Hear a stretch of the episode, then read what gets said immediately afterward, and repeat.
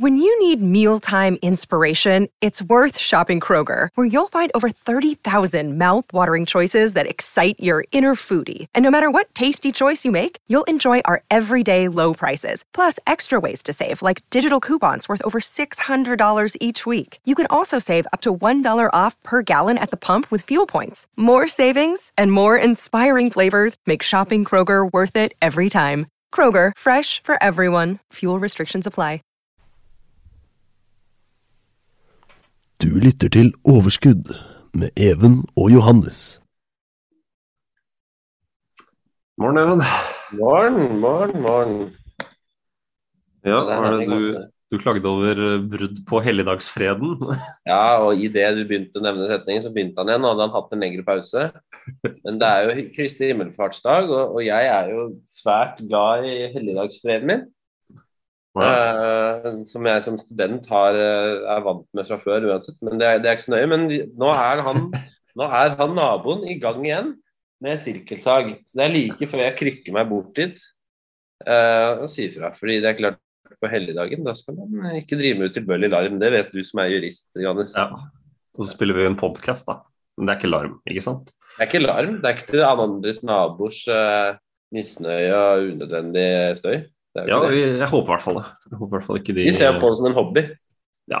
Eller som Ja, vi tjener jo Fun fact for alle lyttere. Sist, eh, sist måned så tjente vi eh, åtte kroner på podkasten vår. Ja. Det Keep var, coming in. We're gonna give it all back to the community in the shape of a new microphone. Jeg tror ikke det er den mikrofonen folk har lyst til å, folk har lyst til å høre podkasten i. Men ja, nei, foreløpig så gjør vi ikke dette for pengene. Jeg kunne jo innstilt det slik at det blir masse mer reklame, men det er eh, Nei, dette er, dette er et sånn koselig, koselig prosjekt som vi bare har lyst til å gi, gi til folk, da. Ja, vi vil jo rett og slett at folk skal skjønne det der, ikke sant. Eller eh, det de vil skjønne, selvfølgelig. Men eh, Ja. at folk skal kunne føle seg inkludert da, i det som Mm. kanskje kan virke litt fjernt og skummelt. Ja. Så, eh, og så har vi fått jobb siden sist år, Johannes, begge to. Ja, nei, det, det har skjedd mye, mye nå om dagen. Har, eh, dette, dette er jo overraskende for, for oss også, fordi vi fikk eh, vi, Og vi har ikke snakket noe med hverandre om hva vi har søkt, hvordan vi går fram og, eh, og den type ting. Vi har søkt, Um, ikke minst. Ja, og så, så har vi fått jobb på samme kontor i Oslo, i Nordea, på, på under en uke. Ja. Og det, det, det er litt spesielt. Det er litt spesielt. og Det blir jo mange eh, vi, det, er er en inspirasjon til gode episoder da, i hele sommeren. egentlig. Mm. Det, er- det er bra. Så vi skal, nok ta en liten, vi skal nok ta en liten sommerferie fra et par uker, men, men det blir eh, hovedsakelig mye innspilling. Altså. Sommerhelg. Ja. Men skal vi, skal vi gå videre til dagens tema, Johannes? Ja, vi må jo det. Det blir en kortere Um, episode i dag. Litt mer sånn lettbeint, men uh, nødvendig Mm. nonetheless. Ja, for vi har jo valgt å, snakke om oljefondet i dag. Eller Pakistan, eh, Statens pensjonsfond utland, som det også heter. Og eh, det er et tema som er veldig spennende. Jeg tror man, eh, tror man som investor har veldig mye å lære av oljefondets strategi. Um, så er det jo, er det jo god, god norsk historie, rett og slett. Litt sånn, litt sånn patriotisk. Hadde vi vært svenske, så hadde vi kanskje ikke lagd episoden, men jeg tenker det er jo vi har muligheten til å både se på litt hva de har gjort, og ikke minst hva de gjør. og Kanskje det er noe en vanlig investor kan lære av dette her.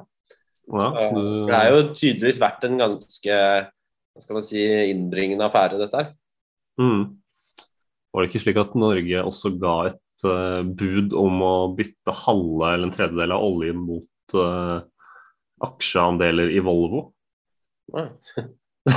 Dette var noe som skjedde tidlig på 70-tallet. Eh, når man Ja, det, det ville vært en eh, dårlig deal. Det ville vært en dårlig deal for oss og en veldig bra Ja. deal for svenskene.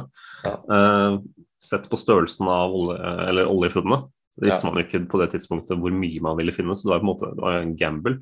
Men uh, det var litt sånn vennskapelig, vennskapelig formål fra Norge, da, at man liksom deler industri, man skaper arbeidsplass på tvers av grensene, men det ble bare slik at uh, alt ble vårt. Ja, men det er det Mm. beklager ikke. Men eh, fortell litt mer om historien, da. ja, nei, altså For Norge, som du sikkert vet, så har Norge en ganske svær kontinentalsokkel. Vi har masse havområder som vi har erklært suverenitet over, langt ut på hav. da. Og eh, vi var jo så heldige at dette her fikk vi allerede avklart i 1964-65 under Gerhardsen-regjeringen. Og, eh, og, vi begynte å lete, da. Vi begynte å sende, gi ut letelisenser. Men vi var veldig nøye på at dette her skulle være ressurser som vi skulle selv, eh, som, som nasjon skulle være eier av. Um, og under våre premisser. da, så Man ga ut letelisenser, men man ga ikke ut borelisenser. da. Og um, Det første virkelig store funnet det ble gjort lille julaften i 1969. Hvor uh, selskapet Philips meldte uh, om et større funn av ekkofisk. som var det første feltet man var i stand til å utvinne. Um, og det, det, var et funn på, på en betydelig størrelse. Og man begynte, begynte å, å, ta i gang, å sette i gang produksjon to år senere, 15.6.1971. Um, og mange år etter, de neste kommende årene så ble det gjort flere store funn i, i Nordsjøen. Og, um, men, det, men det, skaper jo, skaper jo kanskje man, man, har sett tidligere da, at uh, land som plutselig blir veldig rike på kort tid, de har jo sine problemer. da. Um, det, er, det et slags sånn luksusproblem. Men Norge var jo, Hvis man ser tilbake på Norge før 1969, uh, så var vi et land som vi drev litt med shipping, vi drev litt med altså, skogbruk, eh, fiske. Men, men, det, på en måte, det, var veldig begrenset. Da, det var veldig, norsk industri var ganske begrenset. Mm. Og, eh, og, faren som man hadde sett i andre land, det var jo at hvis man fikk masse masse inntjening fra én og samme kilde, så, så vil jo det for det første Hva sa du? Som f.eks. olje? Ja, som f.eks. olje. Så, så, så, har det en ganske sånn uh, ja, overgående positiv effekt for valutaen. Da. Valutaen vil bli veldig veldig dyr for alle andre. Um, veldig bra for deg, deg, og meg hvis vi skal på svenskehandel, eller hvis vi skal uh, på billig ferie i Syden. Men uh, for norsk industri, for norske arbeidsplasser, da, som er avhengig av uh, import, eller nei, eksport Vi ønsker jo f.eks. å selge fisken, vi ønsker f.eks. å selge tjenester nordmenn yter. Um, og de tjenestene blir plutselig mye mye dyrere da, for, eh, for utenlandske kjøpere. Og det, det, gjør det veldig vanskelig. Eh, så, så, på en måte, ja, Du får masse masse inntekter fra olje på en side, men så får du dårligere inntjening fra, på alle andre områder. Da. Hvis, ja, hvis denne valutaeffekten blir sterk. Mm. Og, eh, og det, det, så man jo bl.a. i Nederland. Nederland hadde funnet olje en, en, en liten stund før Norge og var allerede ganske fullt i gang med å utvinne. Og Problemet er at dette, dette fenomenet det, det, skaper, det er jo si, det, det, er designet for å skape oljeavhengighet. Sånn at ja um, Ikke bare blir olje viktig, men alt annet blir mindre viktig. og det, er litt farlig. Uh, så, og Riktignok så blir oljefondet, ideen oljefondet lå jo lenge i, si, i luften. Men den ble vedtatt i 1990, da, som er 20 eh, år etter at man eh, ja, eh, litt over 20 år etter at man fant oljen. Mm. Um, og så ble de første innbetalingene gjennomført i 1996. Uh, eller skal jeg si, det, det, er kanskje ikke helt presist, det må jeg ta forbehold, forbehold om. Ja, men, men uh, hovedsakelig da det var oppe å gå, eller først da man kan begynne å se litt fruktene av det. Mm. Og det er jo Altså de, de, pengene som havner i oljefondet, det er jo penger Norge, norske staten, tar i skatt av oljeselskaper. Mm. Og uh, det er ganske mye. Og, og, som de ikke på en måte får anvendt selv, selv på statsbudsjettet. da. Ja. Uh, jeg skal jo gå litt inn i selve oppbygget, men det er jo verdt å vite at, de, at det er jo slik at all, alle kroner som kommer inn fra netto kontantstrømmer av petroleumsvirksomhet, um, er urørt. Så Det er kun på en måte avkastningen da, som man lar seg, som, som uh, man lører fra, med tanke på handlingsregler og den slags. da. Ja. Eh, sånn at, eh, og det er vel eh, i overkant av 4000 milliarder, da, og oljefondet per i dag er på 11 000 milliarder. Så det er jo godt over halvparten som bare er pga. avkastning. og Vi hadde møte Nicolai Tangen, og da sa han det at vi fant jo oljen to ganger. Det første var når vi fant oljen, det andre var når vi fant på en måte, en måte å få avkastning på det på. Ikke sant? Mm. Han har vel Altså og nå er jeg ikke sikker på nøyaktig hvor mye av det som er innskudd og hvor mye av det som er avkastning, men fondets størrelse var jo i rundt, Før 2000-skiftet så var det eh, det var vel rett ved 1000 milliarder. Mm. Og eh, i dag er det 11 000 milliarder eh, norske kroner. Overkant av det. Og det ser ikke ut til å stoppe å stige med det første. Nei. Um, Men det er klart, det blir jo litt begrenset da, når det blir såpass stort. Ja, Eh, og det har jo blitt vanvittig stort. Det er jo Vi kan, snakke om Nederland, for å sammenligne Nederland, som er et land som er, har, betydelig flere folk enn Norge. Mm. Nederland lagde også et oljefond, um, men det er på 1500 milliarder norske kroner. Er- altså ja, en åttendel av uh, norske oljefondet. Og det er vel eh, det er mer enn tre ganger så mange mennesker her. Ja. Men eh, skal jeg gå videre på oppbyggingen, eller? Gjør det. Ja, for det er jo da over 500 ansatte, og de holder til i Det er fem, hovedsakelig fem kontorer. da. Eh, Ett i Oslo, ett i London, ett i New York, ett i Singapore, ett i Shanghai. Eh, Så de er jo da representert i alle de store markedene, som da er Asia, Europa og USA, eller Amerika. Ja, Det er da som sagt over 500. Og, og oljefondet eier jo da nesten 1,5% av alle børsnoterte selskaper i verden. Det, det synes jeg er ganske vanvittig. Altså. Ja, det ganske vanvittig. Så det vil si at de har eh, eierskap da i nærmere 9000 selskaper. Mm. Eh, og 70% av oljefondet består da av aksjer, sånn som du og meg med mest sannsynlig eier. Eh, og så er det 30% i da obligasjoner, eiendom eller miljøvennlig infrastruktur. Og særlig eiendom og infrastruktur er jo litt nyere da enn obligasjoner. Eh, men så har det jo da gått fra å ha en eh, nærmere 50-50 til en 70-30 da i dette her. Så det, og det har fått litt kritikk, ikke sant. Men så ser man jo at det er jo manglende eh, avkastning da, i obligasjoner og den slags. Så man har sett seg nødt rett og slett da, til å endre litt på det opprinnelige målet. Men enda i dag i dag så har man rundt 30 da, i obligasjoner og eh, noe i eiendom og infrastruktur. Ja. Man, man har kanskje litt mer handlingsrom til eh, en forvalter, da. Til en ja. aksje eller skal si, en fondsforvalter. Ja, man blir ikke like bundet, ikke sant. Mm. Eh, og, og målet med dette er er å få høy avkastning, men med moderat risiko. Mm. Eh, så, så det er jo klart at eh, i finanskrisen var oljefondet ned rundt 23 eh, som ikke er i nærheten av like mye som markedet. Men Mm. samtidig, det er jo en ganske brutal I løpet av bare få måneder. Det er ganske brutalt å se de verdiene forsvinne. Mm. Men uh, målet er jo å ha en slags passiv indeksfølgende strategi. Uh, så som rett og slett betyr at de, er, de følger markedet, korrelerer med markedet. Mm. går opp, så går hovedsakelig eh, oljefondet opp. Men så har de da en viss tilbøyelighet mot eh, noe aktiv forvaltning. Hvis de mener at noe er dyrt eller eh, ikke i tråd med ESG lenger, når vi skal gå inn på, så, så har jo de da muligheten til å selge seg ut av disse aksjene eller obligasjonene, eller hva det måtte være. da. Og Oljefondet forvaltes da Norwegian, Norges Bank Investment Management, som er en del av Norges Bank. Og da på vegne av Finansdepartementet og igjen det norske folk. Da. Ja. Eh, Og som sagt så bygges det selve fondet opp av kontantstrømmene fra petroleumsinntekter. eh, Og avkastningen man kan generere med det. Så man bruker da ikke noe annet enn de kontantstrømmene. Eh, Nei, man bruker ikke kontantstrømmene, man bruker bare avkastningen. Ja. Men angående det med aktiv forvaltning også, så, så er det Det aller meste er jo, ganske, er jo indeksstyrt. da.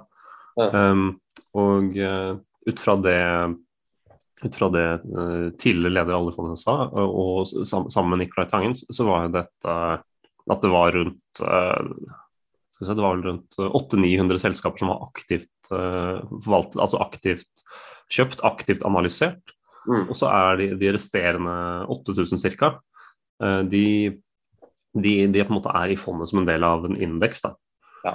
Så det er jo så det er ment å rett og slett være langsiktig. Det er ikke et fond som baserer seg på trading. da, og, og, og de, altså Selvfølgelig de trader, de òg, men, men det er ikke hovedsakelig sånn de tjener inntekter. Det er Mm. ikke sånn at det sitter 500 mennesker over hele verden og daytrader med det er, Det hadde vært noe så dyrt forvaltningsmessig. Ja, det hadde vært veldig dyrt. Eh, og det er jo verdt å nevne i den størrelsesordenen her, så må man jo i tillegg betale dyre dommer for å kjøpe programvare, sånn at det ikke plukkes opp når oljefondet handler. Eh, Ja, det, det er også det, det er veldig interessant. da. kjøper- Ja, i og med at de kjøper så store størrelser, så er det veldig lett for andre å eventuelt plukke opp det. Fordi det vil jo påvirke prisen, så de må bruke da datasystemer, sånn at, sånn at andre konkurrenter ikke plukker opp at oi, nå er oljefondet ute og handler aksjer. Det er jo, det er en helt annen eh, kategori. Men jeg kan jo gå, at skal jeg gå litt over til filosofien bare bak det? Ja, gjør det. Hva er vitsen med oljefondet? Man, vi sa jo at det har 11 000 milliarder kroner, men hva gjør vi med det? Eh, og Det er jo i all hovedsak ment å være en buffer da, eh, som skal dekke underskuddene som oppstår gjennom statsbudsjettets mangler. Eller eh, totalt uventede hendelser, som f.eks. denne Budwiser-pandemien. som jeg er inne. Ehm, jeg snakker da om at det er manko på Budwiser på meny på min nærmeste meny. Ehm, Ja, hardt liv. men, men, men, ja, men likevel, da. Så er det ment å være en buffer. Og det er klart at jo større oljefond blir, jo større buffer får man. Så man prøver da å, å begrense dagens bruk så mye man kan. da. Eh, Og da er det verdt å nærme seg at i fjor, og da må man selvfølgelig se på om inflasjon også, at inflasjonen gikk opp. Men i fjor så gikk oljefondet ned med nærmere 300 milliarder. Eh, Eller vi brukte 300 milliarder, men likevel så var vi opp eh, nesten 50 milliarder. Eh, Mm. Så, så det, og det er jo veldig bra, da, for da ser man at man kan bruke det i nød, men samtidig få være bærekraftig. Da. Så Handlingsregelen er liksom det som ligger til grunn. og Da er det kun avkastningen fra selve posisjonene, ikke fra selve oljeinntektene, som benyttes. Mm. Og handlingsregelen er jo vel i dag det er på 3% Ja, til tre, Den ble satt ned fra 3 til 4 Fra Mm. 4 til 3% Så, så, så, den, så den ligger jo der, da. Og det, og det er jo av si, det er, Prinsippet er egentlig at det skal være tilsvarende fondets realavkastning. Mm. Sånn at man skal maksimalt kunne Og det er beregnet til å være rundt 4,5% da, etter inflasjon osv. Så, videre. så det er beregnet at man skal kunne I dårlige tider skal man kunne bruke det, for da går man jo prinsipielt til nullen, da. prisøkning. Så det er handlingsregelen, og den legger litt sånn begrensninger. Um, og så er det slik at netto kontantstrøm fra oljevirksomheten i Norge skal tilføres fondet. Uh, sånn at uh, hvis alt av oljeinntekter og sånt uh, er ca. 100 millioner i pluss, så skal alt det sendes til fondet. Det går ikke noe annet sted. Mm. Uh, så dekkes det jo selvfølgelig, dekker det jo selvfølgelig andre kostnader underveis, men overskuddet skal rett og slett da til uh, oljefondet. Mm. Og så er det, og det er som sagt for å dekke da underskudd i statsbudsjettet eller uventede kostnader, som, uh, som vi ser nå i dag. Mm. I tillegg til at fondet der er ES, veldig ESG-fokusert, og det har blitt veldig fokus på i det siste. Mm. At det har blitt enda mer ESG-fokusert. Sånn at alle nye investeringer de stiller jo da sterke krav til dette. Eh, Ja. Sine aksjer er f.eks. noe vi har snakket om før, men det er da fy-fy. Så eh, Mm. Lockheed Martin eller uh, Philip Morris, den slags selskaper vil aldri eh, dukke opp da i, balansen til oljefondet. Ja. Og I likhet med Warren Buffett da, så er selskapet veldig offet, offet, opptatt av deltakelse og det å kunne ha innflytelse ved generalforsamlinger. Mm. Uh, du hadde jo talt på det, jeg vet ikke om du husker det, men det var i hvert fall Ja, ja, det, det er helt vanvittig. Det er, Ja. eh, I løpet av et år så tar oljefondet og stemmer på 126 000 forslag ved forskjellige generalforsamlinger. Ja. Uh, på de, Hvor de for øvrig har mye makt.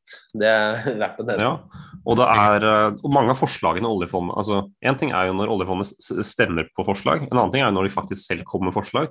Mm. Og ofte så er oljefondet en aktør man lytter til. Og oljefondet har jo nå satt en ny åpenhetsstandard da, ved at de i forkant av generalforsamling eh, sier hva de kommer til å stemme. Eh, og dette gjør jo at man i større grad har eh, ja, skal si, muligheten til å få det med seg. Da. Muligheten til å og, og for så vidt kritisere det hvis man mener det er galt. Som, eh, og som norsk statsborger så er jo det er på vegne av oss. så Det er på en måte skal vi si eh, subject of criticism, eller hva man skal kalle det. Ja. Men generelt så er det jo det er jo, det er på en måte valg som gjøres eh, fra, fra en, skal si, en trygg investors perspektiv, fra en langsiktig investors perspektiv. Og da har det f.eks. vært at man har uh, Du har sikkert fulgt med på Credit Suisse nå, nå for øyeblikket. Um, der, der har man rett og slett Og der, der var det en slags skandale da, ved at uh, selskapet hadde for mange Eller hadde ja, risikoprosjekter da, som de tapte vanvittig mye penger When you need mealtime inspiration, it's worth shopping Kroger, where you'll find over 30,000 mouth-watering choices that excite your inner foodie. And no matter what tasty choice you make, you'll enjoy our everyday low prices, plus extra ways to save, like digital coupons worth over $600 each week. You can also save up to $1 off per gallon at the pump with fuel points. More savings and more inspiring flavors make shopping Kroger worth it every time. Kroger, fresh for everyone. Fuel restrictions apply. På. Um, og der, der var uh, oljefondet rett og slett ikke fornøyd med noen av de som satt i styret, og stemte imot innsettelse- gjeninnsettelse av samtlige. Um, ut fra det jeg skjønte. Um, og de, de, gjør jo slike vurderinger, da. Og, og så er det f.eks. bonusordninger, eller ja, f.eks. Med, med Musk, Elon Musk. tidligere var han styremedlem og daglig leder i, i Tesla. Mm. Um, styreleder og daglig leder. Og, og det, det, er oljefondet bare sånn prinsipielt imot, at en og samme person skal ha begge rollene. Mm. Og, ja, og Musk ble jo måtte jo, han måtte jo inngå et forlik med børstilsynet i USA. og derfor han ikke ble, uh, kunne sitte i styret samtidig som han var leder. Uh, mm. Det er ikke egentlig med oljefondet å gjøre. Men uh, prinsipielt, oljefondet stemmer for to forskjellige personer i de situasjoner. Og, og, en rekke andre si, faktorer. Da. Særlig vektlegger de uavhengighet til styret. Mm. Det, det, er jo veldig viktig for ja, å få et godt selskap. Så de tar rett og slett et aktivt eierskap da, i aksjene og selskapene de går inn i. Mm. Uh, og ut ifra sitt eget ESG. Ja. Et, et siste, siste, poeng jeg også vil legge til i filosofi. Det er, det er mange som har spurt om, eller mange av de litt mer nyere, de lurer kanskje på hvorfor, hvorfor investerer ikke oljefondet i Norge, da? Mm. Um, hvorfor kan ikke det er så, det er, Vi kan jo kjøpe masse norsk, norske aksjer, styre dem fornuftig. Og, men poenget med oljefondet det er jo uh, skal si, diversifisering, for det første. Uh, mm. Det, det kommer vi jo tilbake til. Men vi, vi, ønsker jo på en måte diversifisere oss vekk fra olje. da, Og norsk sektor er olje, si, oljeavhengig til en viss grad. Ja, den korrelerer i hvert fall veldig mye med olje. Mm. Stiger oljeprisen 3% da skal, da skal mye til for at Oslo Børs er eh, rød. Mm. Så, og, og, i tillegg så har, skaper man jo det, det samme problemet med det, skal si, valutaen som jeg snakket om. Det, det kan, samme problemet kan oppstå hvis norske eh, hvis oljefondet kan investere i norske aksjer. Mm. Og ja, i tillegg så er det altfor mye penger, kanskje. Ja, det er for mye um, penger å bare stappe inn i et lite land som Norge. Mm. Um, og uh, politikerne vil også da uh, skal jeg si, kunne, kunne, bruke oljefondet som et verktøy for andre ting. Uh, fordi Poenget er jo Poenget er jo litt det at man, man skal kunne for Du har jo nevnt til at, at, land har blitt veldig At andre ting mister fokus. ikke sant? Og Det er det som er hele helt poenget med oljefondet. Man skal kunne finne, bruke fokus på, på viktige ting, og så heller, heller ha oljefondet som en slags sånn base i grunn, da, som kan, mm. kan redde når, når, tiden går imot. da. Ja, og vi kan jo, må, må vel komme med en erkjennelse til Miska, da, som nordmenn at uh, olje det er Vi har vært veldig heldige ja. Olje er, og olje er jo, skal jeg si, eh, uansett hvilket perspektiv du tenker på, så vil det være en midlertidig ressurs. Om det er midlertidig i ti år til eller 100 år til, det, det, er veldig vanskelig å si. Men mm. at det er kommet for å måte, være og eksistere evig, det er det veldig få som tror. Mm. Så, og hva, hva, er det fornuftig å gjøre i en slik situasjon? Um, og, og, du kan si hva er veldig, Det er veldig unikt å gjøre. Uh, å sette det på spare, uh, ja, sparekonto og Nei. investere i aksjer i liksom, ja, 20 år. Har man nå godt over 20 år. Um, og det er jo kanskje sånn, litt sånn fenomen som strider mot politikk. Fordi politikere de sitter, de sitter fire og fire år, gjerne, i de fleste demokratier i verden. Og uh, det er fort å bare tenke på at de gjør det så bra som mulig de neste fire årene. Ja, um, Holdt vel? Nei, men det, det, er som du sier, det er et uavhengig organ, da, og det er det som er veldig fint. Uh, og det er veldig vanskelig å gjøre store endringer. Det var ganske, ganske sånn betydelig når de da kunne gå inn i infrastruktur første gang.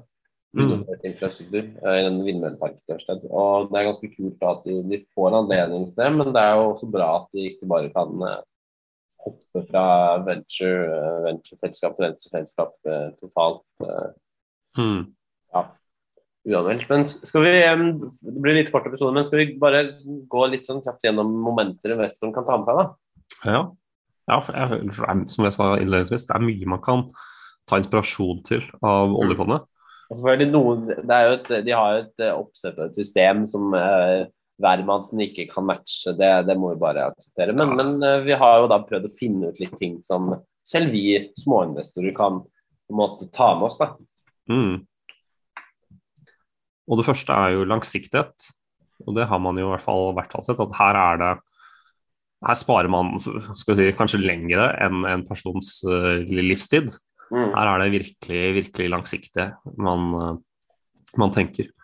Og uh, vi får se hvor langsiktig dette prosjektet her blir. Det er jo Det har jo vært veldig, veldig sikkert vi får se det, men uh, Ja, vi får kanskje se, se, se hvordan det er om ja, kanskje 70 år, hvis vi, er, hvis vi lever lenge.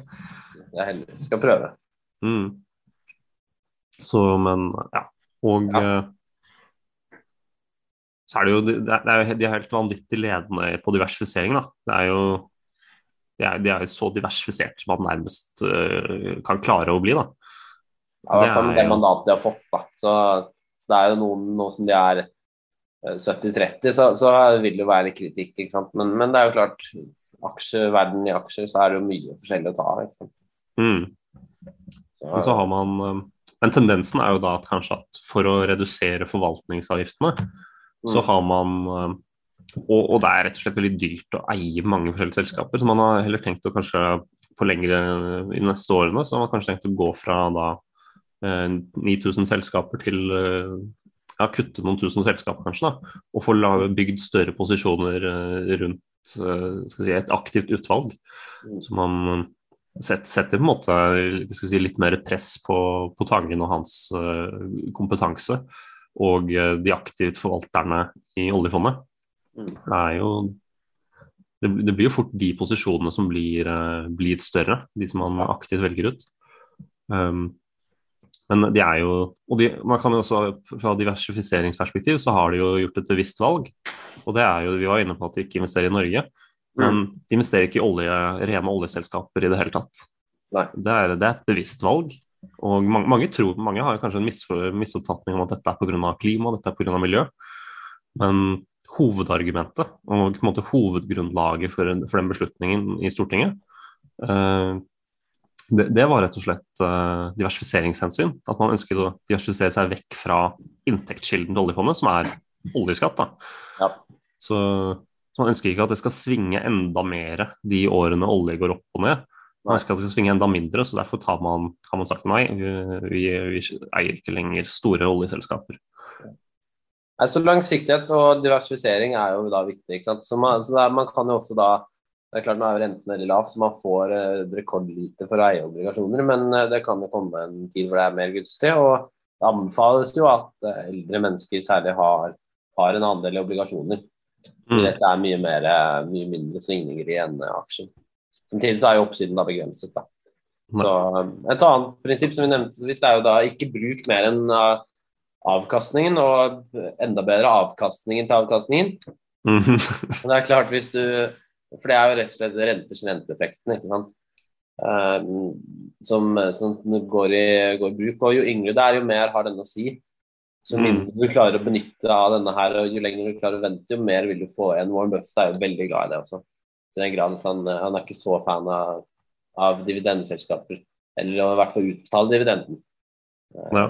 Han vil heller reinvestere den, nettopp fordi, det er jo, fordi du slipper jo den der prosessen med å ta ut og betale skatt. Og mm.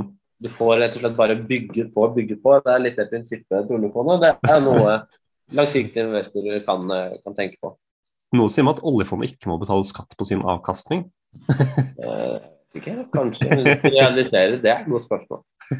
Er, jeg, jeg, mener, det, jeg, mener, nesten at det burde ikke. Ja, jeg, jeg, tror det er sånn. Altså, jeg kan ikke si det helt sikkert, men jeg tenker sånn her at dette er penger som forvaltes som er skatteinntekt. Det hadde vært litt rart. altså Skal de pengene som oljefondet eh, tjener, skattes på, på normalt vis? Det ja, jeg vet ikke. Jeg merker Riksrevisjonen har nok noe å si på det. Men, eh, ja, mm. så, men vi kan gå videre. Man ser da igjen at store selskaper får ofte store posisjoner. og det er litt med den der indeksplasseringen å gjøre. at Der er det ikke nødvendigvis aktive valg som bestemmer hvor mye du tar, men det er litt det der med å, med å fordele utover indeksen. Mm. Fordi det er, det, er, det er, det som på en måte forventes å være en fornuftig allokering, basert på hvor mye markedsandeler og hvor mye omfang disse selskapene har. Mm. Så store selskaper får ofte store posisjoner. I tillegg så har vi sett at ESG er viktig. Og ESG er jo, det er jo studier som viser at ESG-selskaper både tåler mer ved nedgang og, er, og, kan ofte tjene bedre når de først får en fornuftig drift. Mm. Dette vet jeg fordi vi har skrevet bacheloroppgave om dette. Ja, ja. Eh, så, men, så ESG-selskaper er da viden kjent ofte for å være litt tryggere. Og så er det jo klart at uh, hvis vi skal kunne motvirke denne klimautfordringen eller klimautfordringen vi har, så er ESG veldig viktig. da. Mm. Men også generelt, um, også generelt for å unngå å eie selskaper som havner i skal vi si, ja, uh, stygge avisoverskrifter. Mm. Og det er jo oljefondet veldig interessert i. At uh, man, holder, man, man, unngår selskaper som uh, skal vi si, ja, ikke har en god ryggrad, ikke har, og som dermed, som følge av det, havner i skal vi si, dumme situasjoner da, som kunne vært unngått hvis de, har, hvis de hadde skal vi si, etikken på plass. da. Mm. Så, og da er det forskjellige faktorer man ser etter. Um, uh, environment, social governance. Det, det, er på en måte Det representerer Det er flere måter å oppnå ESG-husmål på. Ja, vi har jo laget en episode om, episode om ESG. Så hvis man er mer interessert, så kan man ta, ta og lytte litt på den igjen. Mm. For jeg, mm. får jo bare større og større andel. Og så er det selvfølgelig noen selskaper eh, kan være veldig gode på environment, og andre er det viktig å være på social. Ikke sant? Mm. Ja. Utover dette så er det eh, i tillegg da, Dette er jo mer som hva som ligger til grunn for investering, men så er det jo litt sånn derre eh, fysisk eller Det er jo litt med selve selskapene, men det, de fokuserer jo også veldig på mindfulness og helse. Mm. Sånn at de har f.eks. da ansatt en som skal hjelpe dem å yte sitt beste. Mm. Hver tid, de skal, og Tangen var jo veldig på det der at søvn er viktig. Eh, så det er viktig hvis du skal sette av mye tid, så er det viktig å være uthvilt og være i god form, og ikke handle når du er f.eks. gretten eller, eh, eller mm. Eh, rett og slett bare ikke i form. Ja, og de jobber, jo med de jobber jo med å utvikle et dataverktøy som skal ja. et slags AI, eller hva man skal kalle det. Og det kan jo ikke vanlige hvermannsen kanskje forvente ja. å ha selv, men Det er litt dyrt i hvert fall. Ja.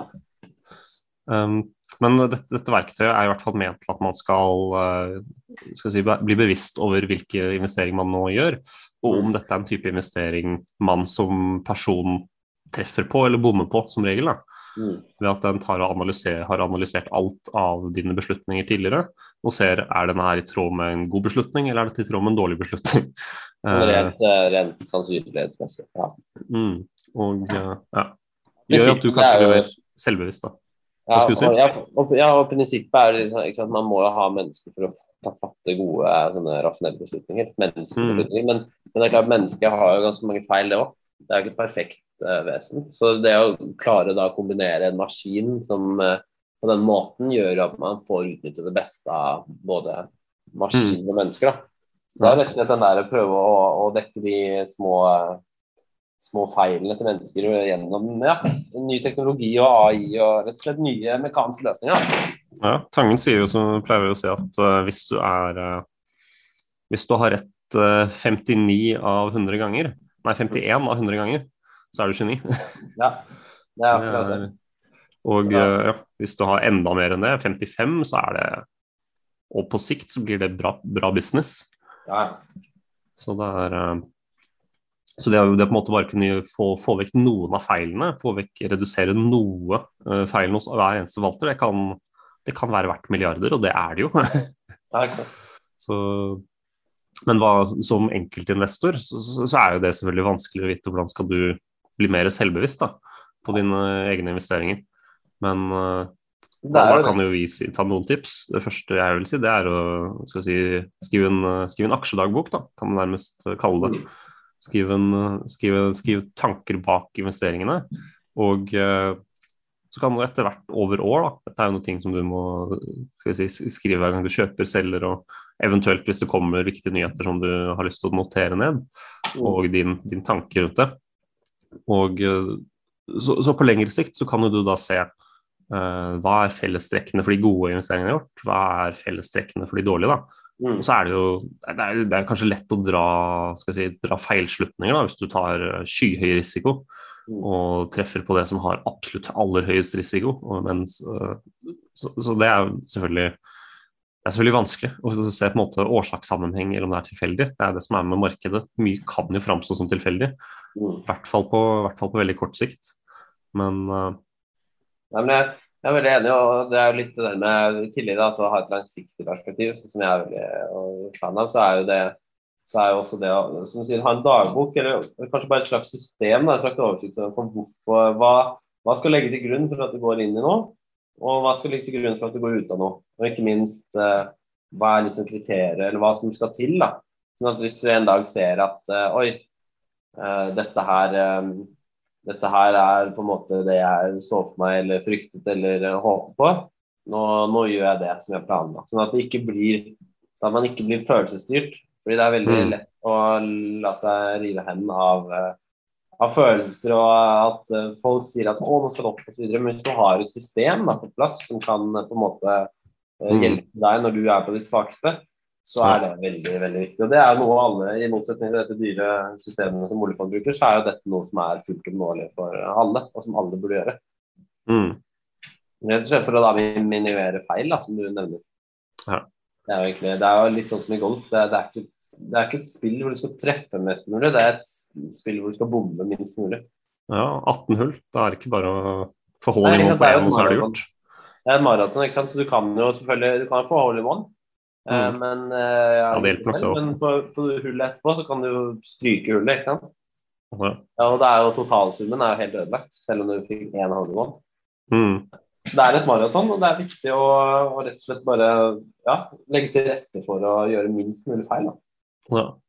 Så det, på en måte, og det, kan også være det, det, som jeg også vil si i dag, det er at det, det, kan virke mye mer altså Mange investorer tenker kanskje gress er grønnere på andre siden. Høy mm. risiko. Det er også Av de som tar høy risiko, så er det noen som sitter med 300-400 i porteføljen. Og, altså, mm. og jeg, jeg, har jo noen sånne jeg òg, som jeg satser på at skal gå så mye, eller som har gått så mye, og jeg håper skal gå mer. Men mm. Jo, men, men, men, tanken er jo på en måte at det er ikke det som jeg har de store postene i heller. Det er ikke Nei. det som er skal vi si, de hestene jeg vedder aller, aller mest på. Det er uh, solide selskaper som, jeg, som, allerede har etablert seg, som jeg, som jeg, tror kommer til å styrke sin posisjon i framtiden videre. Og det er klart, Du har jo ikke hatt disse selskapene lenge heller, sånn i et stort perspektiv. Så det er jo klart at avkastningsbordet mm. vil jo kunne matche de, de, du har vært heldig på sant, over tid. Ja, og de har vært heldig på, må jeg også være forsiktig med, rett og slett. fordi der, ja, de, der kan ting svinge. De store, solide selskapene at det forsvinner. Men, uh... mm. Så ja. Nei. Ja, men så bra. Ja, Siste digresjon, eller det har ikke vært digresjon etter for så vidt, men uh, fått med at Tesla selger seg ut av bitcoin. Ja, jeg så det der, Marius. Jeg gjør det. Ja. Så er det under 600 dollar nå en nedadstigende kurve. Så det, det er uh, Kanskje fornuften er litt tilbake i markedet. Ja. Lurer på om de fikk solgt ut alt før de annonserte det. ja, ja, ja. ja. Nei, men så bra. Skal vi runde av der? Ja, det ble, ble, ble jo litt lengde på den her òg. Ja, men det er hyggelig med litt. Mm. hyggelig med litt lengde. Ja, men så, ja, ikke sant. Det er hyggelig med litt lengde. Det er alltid skatt, det. Men altså, men, uh, short and sweet, det er ikke dumt det heller, sier folk. Men uh, mm. uten at jeg skal røpe noen. jeg tror vi runder av med det. Vi gjør det. Fantastisk. Men det var hyggelig, Anders. Jo, i like måte. Vi snakkes. Ha det. Ha det bra. Du lyttet til Overskudd med Even og Johannes. When you need mealtime inspiration, it's worth shopping Kroger, where you'll find over 30,000 mouthwatering choices that excite your inner foodie. And no matter what tasty choice you make, you'll enjoy our everyday low prices, plus extra ways to save, like digital coupons worth over $600 each week. You can also save up to $1 off per gallon at the pump with fuel points. More savings and more inspiring flavors make shopping Kroger worth it every time. Kroger, fresh for everyone. Fuel restrictions apply. Ohio, ready for some quick mental health facts? Let's go. Nearly 2 million Ohioans live with a mental health condition. In the U.S., more than 50% of people will be diagnosed with a mental illness in their lifetime. Depression is a leading cause of disability worldwide. So, why are some of us still stigmatizing people living with a mental health condition when we know all of this? Let's listen to the facts and beat the stigma.